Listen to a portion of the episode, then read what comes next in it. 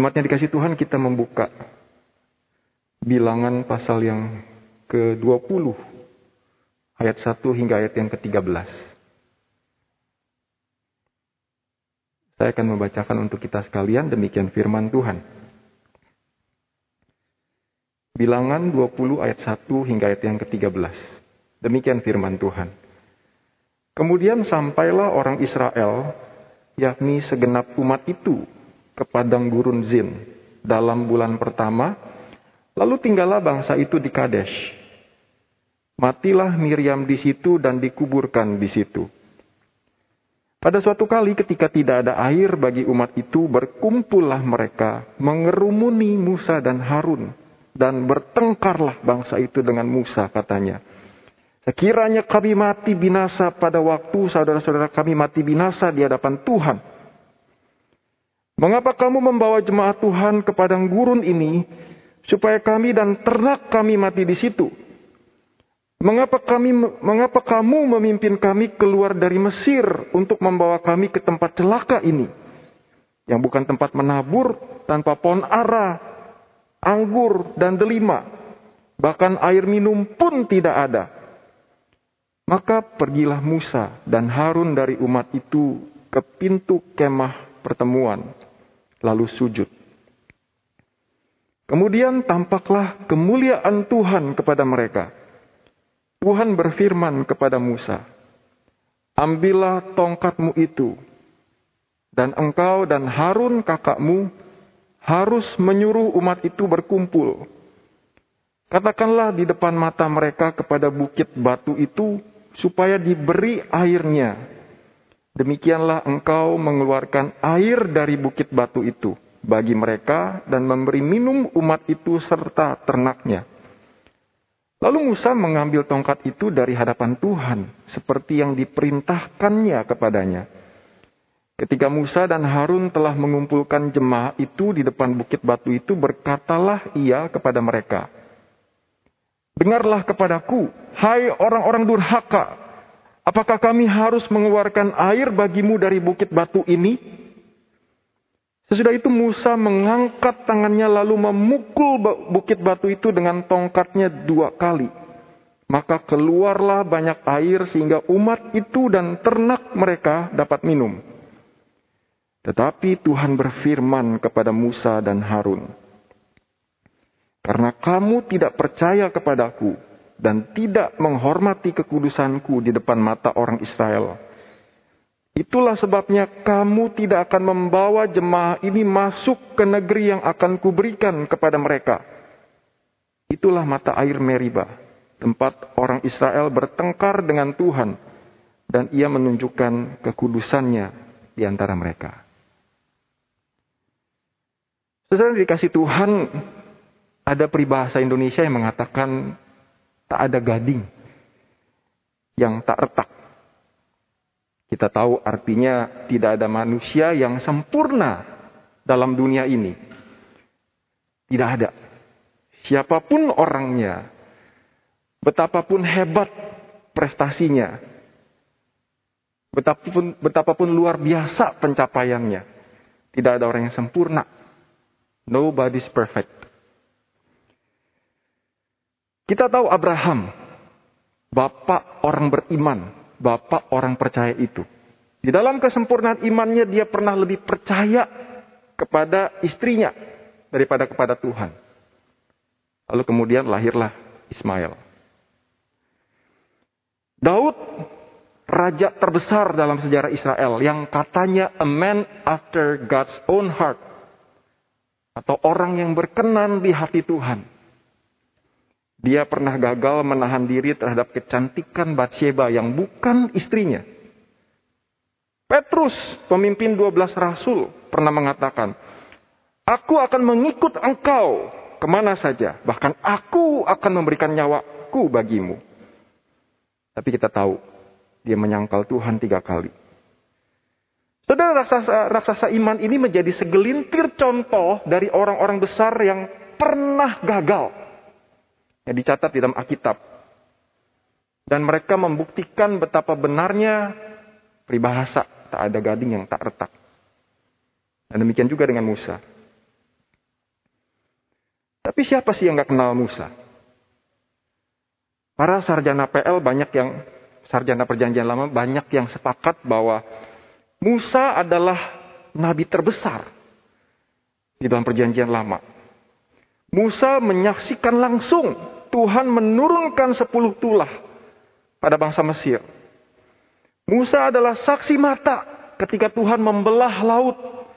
Musa juga melihat sendiri bagaimana Tuhan menurunkan mana dan burung puyuh dari langit. Bahkan sebenarnya beberapa peristiwa yang besar itu terjadi melalui perantaran Musa. Musa mengangkat tongkat, Laut Merah terbelah. Musa mengangkat tongkat, menanglah bangsa Israel melawan orang Amalek. Musa menetapkan tongkatnya, air berubah menjadi darah. Dan dalam perikop yang kita baca, Musa memukul batu, batu kering, lalu keluarlah air. Saudara, kebesaran Musa disimpulkan dalam kitab ulangan ayat-ayat yang terakhir. Seperti Musa yang dikenal Tuhan dengan berhadapan muka. Tidak ada lagi nabi yang bangkit di antara orang Israel dalam hal segala tanda dan mujizat yang dilakukan atas perintah Tuhan di tanah Mesir terhadap Firaun dan terhadap semua pegawainya dan seluruh negerinya. Dan dalam hal segala perbuatan kekuasaan dan segala kedahsyatan yang besar yang dilakukan Musa di depan seluruh orang Israel. Tapi toh walaupun demikian kita tetap membaca di dalam bilangan 20 ayat 1 sampai 13 ini Musa masih tetap bisa jatuh melakukan kesalahan.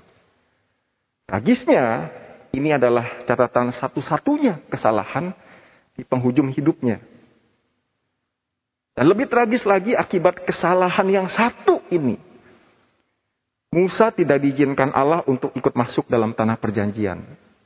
Bahkan setelah Musa memohon kepada Tuhan, Tuhan tetap tidak mengizinkannya. Saudara, banyak pertanyaan yang muncul di benak saya memikirkan kegagalan Musa. Mengapa Tuhan begitu keras menghukum Musa? Bukankah kalau sepintas kita lihat, ini sebenarnya bukan kesalahan yang terlalu fatal. Bukan dosa perzinahan, apalagi dosa membunuh. Kalau kita bisa ukur intensitas atau level dosa yang lebih serius. Dan bukankah Musa telah berjasa memimpin bangsa yang sebenarnya susah sekali untuk dipimpin? Pertanyaan-pertanyaan ini nggak mudah untuk dijawab. Tapi yang jelas pertanyaan-pertanyaan yang tadi saya munculkan itu sangat umum dan sangat biasa. Terlahir dari perspektif kita manusia yang terbatas. Perspektif manusiawi, bukan perspektif sorgawi. Satu hal yang pasti dan harus kita pegang, Tuhan maha tahu. Dia nggak pernah salah. Tuhan maha adil dan maha bijak. Dia tahu dengan pasti, dengan jelas apa yang sedang dilakukannya. Malam hari ini ada hal-hal yang dia ingin kita pelajari dari peristiwa kejatuhan Musa. Mengapa Musa bisa jatuh? Bagian apa dalam diri Musa yang menyebabkan dirinya jatuh? Apakah itu tanggung jawab yang harus dipikul Musa sendiri? Atau sebenarnya ada bagian yang menjadi tanggung jawab dari orang-orang lain yang menyebabkan Musa jatuh? Lalu bagaimana Tuhan berurusan dengan hambanya yang telah jatuh? Kita akan lihat dengan singkat. Yang pertama bagian dalam diri Musa yang menyebabkan dia jatuh. Jadi kita tahu Musa hidup 120 tahun. Dan lifespan-nya itu dibagi tiga. 40 tahun pertama, 40 tahun kedua, 40 tahun ketiga. Di usia 40 tahun pertama, di usia 40 tahun. Saudara, Musa hidupnya dihabis, dihabiskan dalam istana sebagai seorang pangeran Mesir. Hidup ber, bergelimangan kelimpahan segala sesuatu. Dan di usia 40 tahun ini kita bisa baca di keluaran pasal-pasal awal. Musa adalah seorang pemuda yang impulsif, yang emosional, yang keras sehingga dia bisa tampil dengan yang dianggap dia punya dan kemudian main hakim sendiri membela bangsanya. Pada saat itu dia merasa dirinya paling siap, paling menggebu-gebu membela bangsanya. Ia merasa dirinya something. Karena dia pikir dia punya segala kualifikasi yang diperlukan sebagai seorang pemimpin. Saudara jangan lupa bahwa Musa dididik dalam hikmat bijaksana kerajaan terbesar. Kerajaan Mesir. Dan sebagai seorang pangeran Mesir, dia sangat percaya diri. Kalau kita mau pikir-pikir, Musa itu mungkin sosok orang, sosok seorang pria dewasa yang berwawasan luas, fasih berdiplomasi, penuh dengan ilmu, mahir berorganisasi, dan jelas punya visi untuk membebaskan bangsanya. Tetapi justru kelebihannya menjadikan dia seorang pribadi yang sangat-sangat mengandalkan diri sendiri. Dan bagi Tuhan, Musa belum siap. Allah menolak dia, memanggilnya lebih awal. Musa belum siap untuk diutus Tuhan. 40 tahun kedua, Musa menghabiskan masa hidupnya di padang gurun. Mengembalakan kambing domba, Saudara bayangin ya. Kalau 40 tahun pertama dia biasa bergaul dengan kalangan jet set. Orang-orang dengan bahasa yang tinggi-tinggi. Tapi sekarang dia harus bertemankan, bersahabat dengan kambing domba. Siang kepanasan, malam kedinginan, bingung mau ngomong sama siapa. Zaman itu belum ada HP, gak bisa dia main game, gak bisa dia foto-foto terus masukin upload di Instagram atau Facebook. Sangat kesepian. Ngomong sama kambing domba cuma dijawab mbe gitu.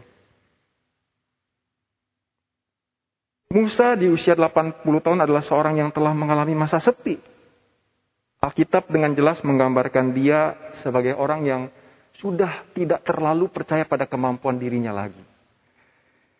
Saudara perlu bagi Allah untuk menghancurkan Musa terlebih dahulu. Musa perlu belajar untuk tidak mengandalkan dirinya lagi. Perlu waktu 40 tuh tahun bagi Tuhan untuk mengulangi pendidikan yang paling diperlukan. Saya bertanya-tanya, kenapa ya sampai perlu begitu lama? Seorang yang saya sangat kagumi mengatakan, makin tua seseorang, makin susah dia belajar rendah hati. Saya percaya gak semua orang yang makin tua seperti itu. Tetapi pada umumnya mungkin seperti itu. Saudara perlu bagi Musa untuk merasa dirinya nothing dulu di hadapan Allah. Dan pada saat itulah Allah memanggil dia untuk diutus. Saudara pengalaman padang gurun di 4, selama 40 tahun merupakan masa-masa di mana sebenarnya Tuhan dengan intens mengajar Musa. Masa-masa Tuhan berhadapan one on one dengan Musa. Saya bukannya berpikir waktu itu Tuhan dengan jelas berbicara kepada Musa begitu ya. Tuhan menyebutkan kesalahan-kesalahan Musa, Tuhan lalu kemudian memberikan petunjuk-petunjuk tertulis apa yang Musa harus lakukan untuk memperbaiki dirinya. Enggak. Tetapi di dalam keheningan Musa harus merenung, merenung dan merenung. Sementara justru di dalam keheningan itu, Tuhan berbicara sangat keras terhadap Musa. Saya pikir ketika kita melakukan kesalahan, ada kalanya sebenarnya kita punya cukup banyak waktu untuk merenung ulang apa yang telah kita lakukan, apa yang telah membuat orang tersakiti, apa yang salah dengan metode yang kita pakai, apa yang harus diubah dari sebuah visi, di dalam keluarga, di perusahaan, di gereja, atau secara pribadi. Alangkah indahnya kalau kita mengundang Tuhan untuk hadir di waktu-waktu itu. Untuk mengajar kita lewat firman-Nya. Mungkinkah kita tidak rendah hati? Mungkinkah kita merasa diri terlalu penting? Terlalu pintar? Lebih hebat dari orang lain? Bisa melakukan banyak hal?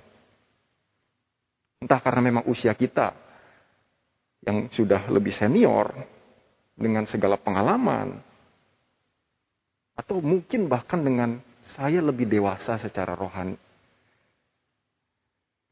Saudara sayang kalau untuk maju ke satu fase berikutnya dalam hidup kita, Tuhan sampai harus perlu mengajar kita selama 40 tahun tentang rendah hati, tentang bersikap lemah lembut, tentang belajar mendengarkan orang lain, dan lain sebagainya. Memasuki 40 tahun yang ketiga, Musa yang sekarang adalah Musa yang sebagian besar hidupnya kepribadiannya sudah tangguh dan kepemimpinannya jauh lebih anggun. 40 tahun. Musa menunjukkan bagaimana Tuhan adalah everything in his life. Dan Tuhan benar-benar telah memberikan everything yang Musa butuhkan untuk menggenapi panggilan yang Tuhan nyatakan. Sesudah 120 tahun telah berlalu. Karakter Musa terus diasah. Tetapi toh sekali lagi di dalam bilangan 20 yang kita baca, khususnya ayat 10, ayat 11 menunjukkan kepada kita, kalau potensi karakter yang lama dalam diri Musa di usia 40 tahun belum sepenuhnya hilang. Sifat lama Musa yang impulsif, keras, emosional muncul lagi dalam bagian ini. Saudara perhatikanlah apa yang dikatakan Musa di dalam ayat 10. Dengarlah kepadaku, hai orang-orang durhaka. Saudara Musa ngamuk. Dan sebenarnya Tuhan sudah perintahkan kepada Musa di atas. Katakanlah kepada batu itu. Tapi di sini Musa memilih mengatakan kepada orang-orang yang menyebalkannya. Apakah kami harus mengeluarkan air bagimu dari bukit batu ini? Sudah kita tahu, bukan atas inisiatif Musa, bukit batu mengeluarkan air. Tetapi atas perintah Tuhan. Perhatikan ayat 11. Sesudah itu Musa mengangkat tangannya lalu memukul bukit batu itu dengan tongkatnya dua kali. Ayat 8, perintah Tuhan. Katakanlah di depan mata mereka kepada bukit batu itu supaya diberi airnya. Saudara, sudah jelas ya, kalau kita pikir, kalau bisa di slow motion gitu ya. Jauh pasti lebih elegan bagi Musa jika ia memilih hanya berkata, Hai bukit batu, keluarlah air daripadamu. Terus keluar air. Wah itu itu jauh lebih elegan. Daripada dengan emosional dia marah-marah, lalu kemudian pukul bukit batu itu. Saudara kita sedang membicarakan Musa. Seorang yang kualitas kerohanian dan kedewasaan emosionalnya itu nggak main-main. Di dalam bilangan 12 ayat 3 dicatat. Adapun Musa ialah seorang yang sangat lembut hatinya. Lebih dari setiap manusia yang ada di atas muka bumi. Keluaran 33 ayat 11. Tuhan berbicara kepada Musa face to face. Seperti berbicara kepada seorang teman. Wah. Kerohaniannya dan kedewasaan emosionalnya itu gak main-main. Tetapi saat itu, sesuatu di dalam diri Musa yang terpendam memaksa dia untuk mengekspresikan kemarahannya dengan melakukan sesuatu yang Tuhan tidak perintahkan.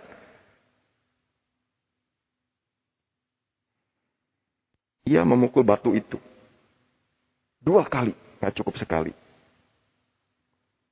Kelemahan Musa di dalam hal emosional tetap merupakan hal yang harus diwaspadai.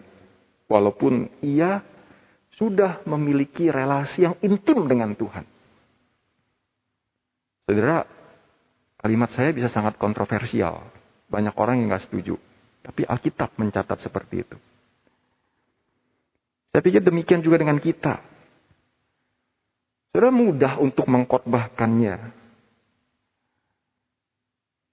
Kalau saya mau khotbah Rabu, anak saya yang pertama tanya. Dia udah tahu kalau saya persiapan. Papi besok khotbah ya. Dia biasanya mau lihat papinya khotbah.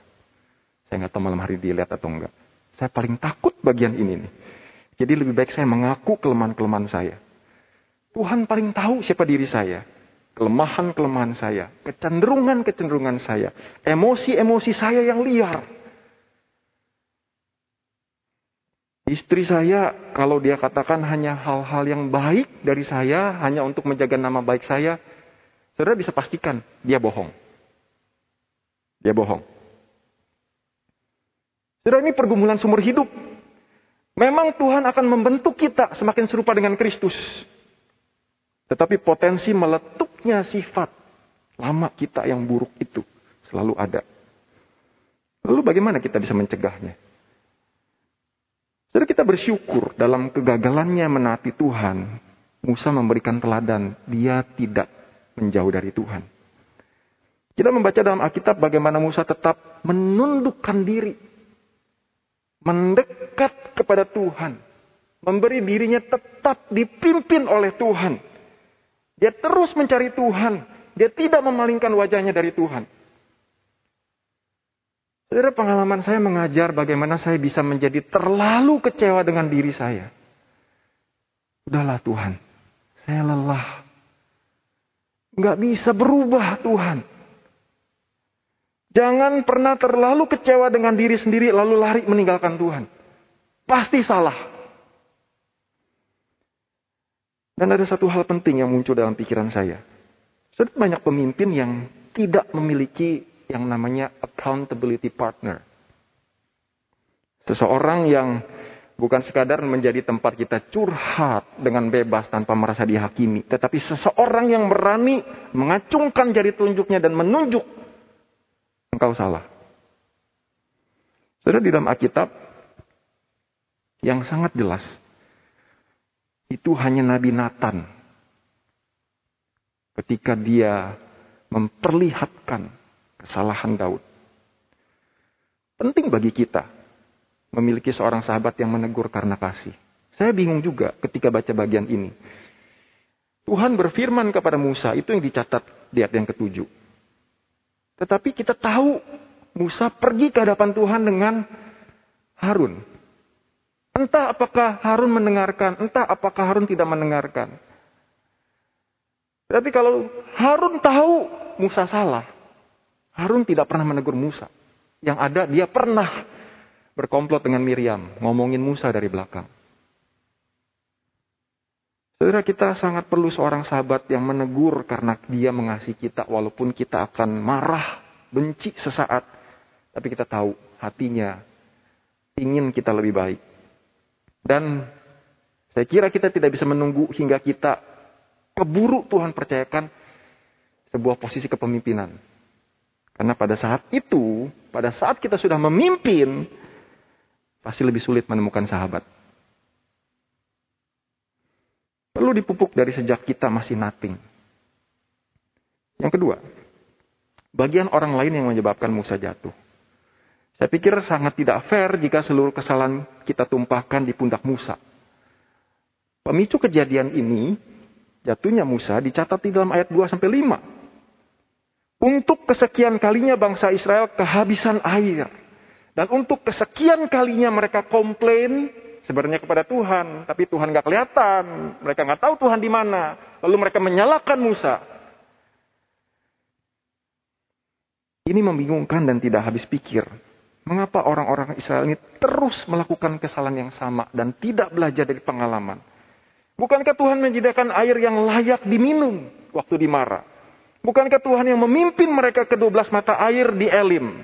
Dan bukankah mereka sendiri jadi saksi mata Bagaimana Tuhan mengeluarkan air dari gunung batu di Masa dan Meriba yang tempatnya dekat dengan masih di wilayah Kadesh itu. Sungguh mudah bagi Tuhan sebenarnya untuk menyediakan mereka air.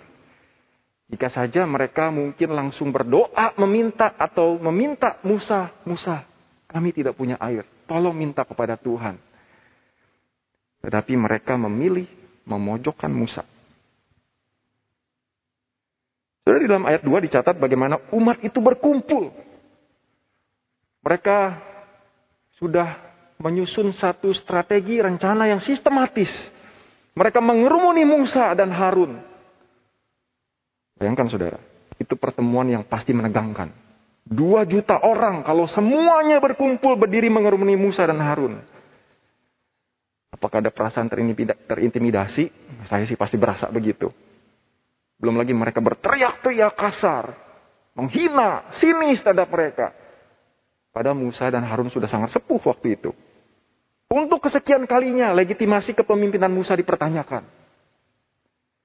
Belum lagi orang-orang yang berdiri di hadapan Musa itu adalah generasi baru yang mungkin sebagian besarnya nggak ada setengah dari umur Musa. Betapa kurang ajarnya. Belum lagi kalau kita baca ayat 1, tidak adakah rasa empati? Tidakkah mereka bisa bersimpati? Mungkin Musa masih berduka karena kehilangan Miriam, tapi mereka tidak peduli. Saya pikir wajar kalau Musa sampai pada batas akhir kesabarannya. Orang sering bilang sabar itu ada batasnya. Saudara, ada peran bangsa Israel yang memicu kejatuhan Musa. Ada peran orang lain yang membuat Musa gagal menaati perintah Tuhan sepenuhnya. Mazmur 106 ayat 32 33 mengatakan begini. Mereka bangsa Israel menggusarkan dia Tuhan dekat air Meriba. Sehingga Musa kena celaka karena bangsanya. Sebab mereka memahitkan hati Musa. Sehingga ia teledor dengan kata-katanya. Dan Musa sendiri bukan tidak menyimpan perkara ini dalam hatinya. Musa sendiri menyesali, per, menyesali perbuatannya. Tetapi ia juga menyesali bangsanya. Ulangan 3 ayat 26 mencatat. Tuhan murka terhadap aku oleh karena kamu. Oleh karena kamu. Jadi mari kita pikirkan bagian ini sejenak. Berapa sering dalam hidup ini kita, saya, telah memberikan sumbangsih di dalam kejatuhan seseorang. Kita mungkin lebih sering berpikir, saya nggak suka orang itu menyudutkan saya, menjatuhkan saya. Tetapi mari kita balik bertanya, berapa sering dalam hidup ini kita telah memberikan sumbangsi dalam kejatuhan seseorang? Kalau kita tidak merasa bersalah, jangan-jangan kita tidak pernah memikirkan fatalnya akibat yang harus ditanggung orang tersebut. Musa memang melakukan kesalahan. Itu pilihannya. Dia melakukannya untuk alasan yang salah. Tetapi Bangsa Israel lah yang menjadi alasan yang salah itu. Yang ketiga, cara Tuhan menangani hambanya yang telah jatuh.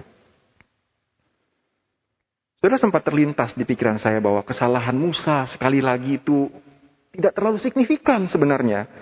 Bukankah waktu Tuhan berbicara juga kepada Musa dalam suasana yang sangat private? Tidak ada orang lain yang mendengar, bahkan mungkin Harun pun tidak.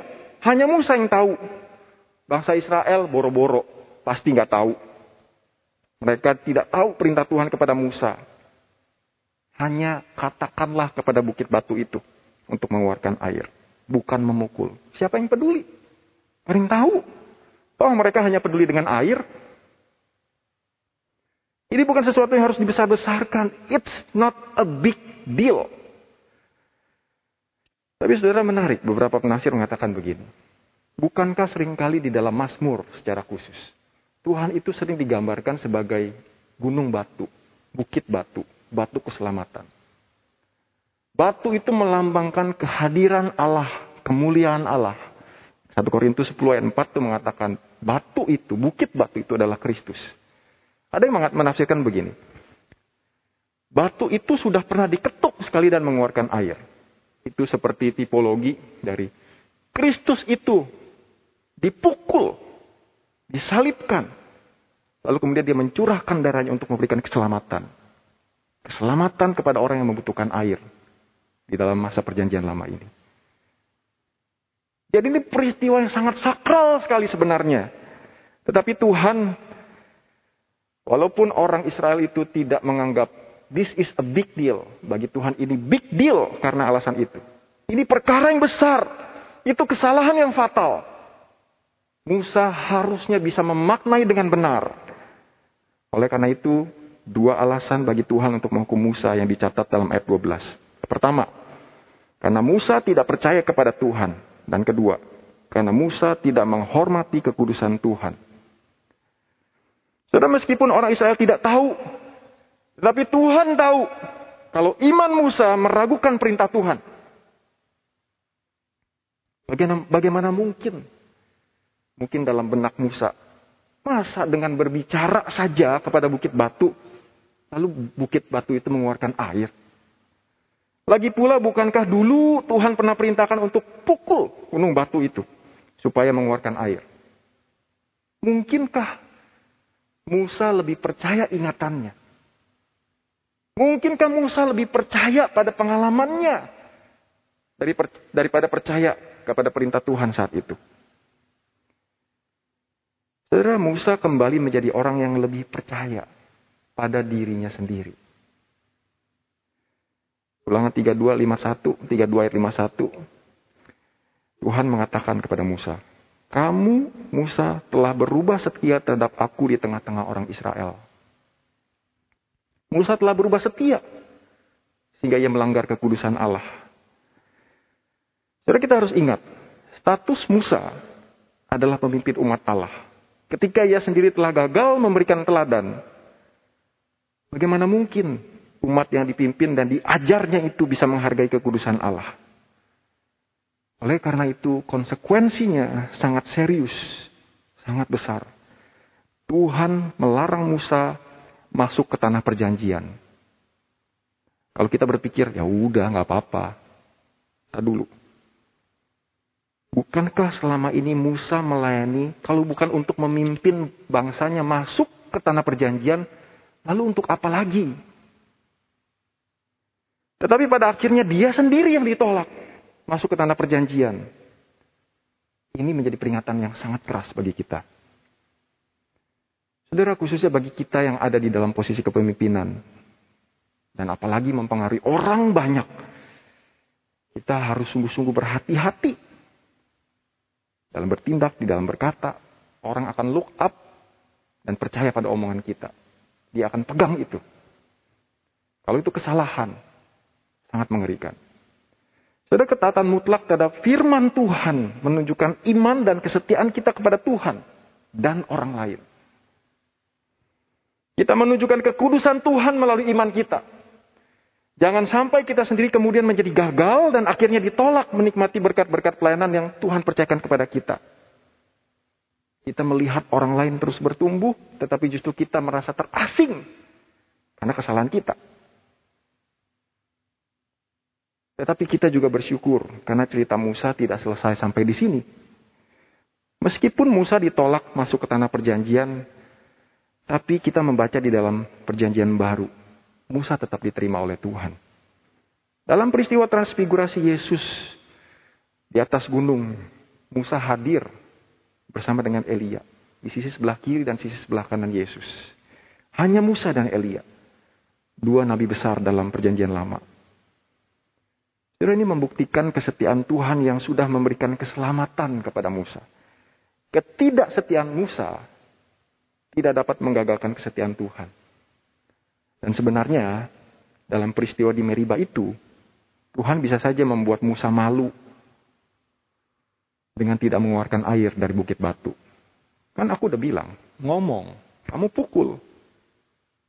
Biar tahu malu. Entah bagaimana peristiwa yang akan dicatat dalam Alkitab seandainya Tuhan melakukan itu. Tetapi kenyataannya Tuhan seperti masih kasih muka kepada Musa. Tuhan menjaga Musa. Bagaimana bagaimanapun juga Musa adalah orang yang dipilih Tuhan. Dan satu hal yang penting, saudara dengan gagalnya Musa, timbullah Yosua. Muncullah Yosua. Saudara, bagian ini mengajarkan kita, kita nggak bisa terus mengasihani diri sendiri ketika kita gagal. Rencana Tuhan harus menjadi fokus kita. Bukan diri saya yang menjadi fokus. Tuhan tahu apa yang sedang ia lakukan. Tuhan nggak pernah salah. Dia nggak bisa salah. Nggak mungkin salah. Mari kita berdoa.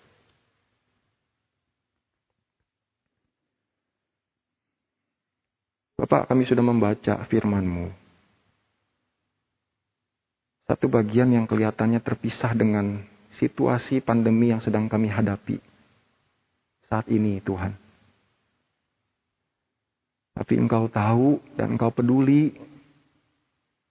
terhadap diri kami secara pribadi. Mungkinkah ada sisi-sisi gelap dalam diri kami yang perlu Tuhan bongkar? Oleh karena itu tidak heran Tuhan Engkau mempertemukan kami setiap hari dengan istri, dengan suami, dengan anak-anak yang Tuhan bisa pakai untuk menjadi pemicu, untuk mengeluarkan sisi-sisi tergelap dalam diri kami. Tuhan mungkin kami sedang berkeluh kesah. Seandainya kami bisa ke kantor. Seandainya kami bisa keluar dari rumah dan kerja seperti biasa. Tapi kami lupa sebenarnya Tuhan sedang memberkati kami. Melalui keluarga kami. Tuhan kami perlu untuk melihat kembali reaksi, respon kami yang lebih sering tersulut oleh emosi kami atau mungkin juga masa lalu kami yang kelam. Malam hari ini Tuhan biar firman-Mu berbicara sekali lagi kepada kami. Menegur kami dan memulihkan kami. Ajar kami untuk bisa meresponi sesuai dengan firman Tuhan yang kami baca, sesuai dengan karakter Kristus yang sedang kami kejar. Yesus yang lemah lembut, penuh kesabaran, memberikan ruang untuk melakukan kesalahan. Banyak hal ya Tuhan. Tolong kami Tuhan agar kami juga tidak terlalu tidak terus-terusan menyalahkan diri kami sendiri yang masih terus gagal. Kami percaya Tuhan, Engkau menopang dan tidak pernah berhenti untuk berkarya dalam hidup kami. Terima kasih Tuhan untuk firman-Mu. Dalam nama Tuhan Yesus kami berdoa, kami bersyukur. Amin. Sekutan doa kita sampai di sini. Tuhan memberkati saudara sekalian.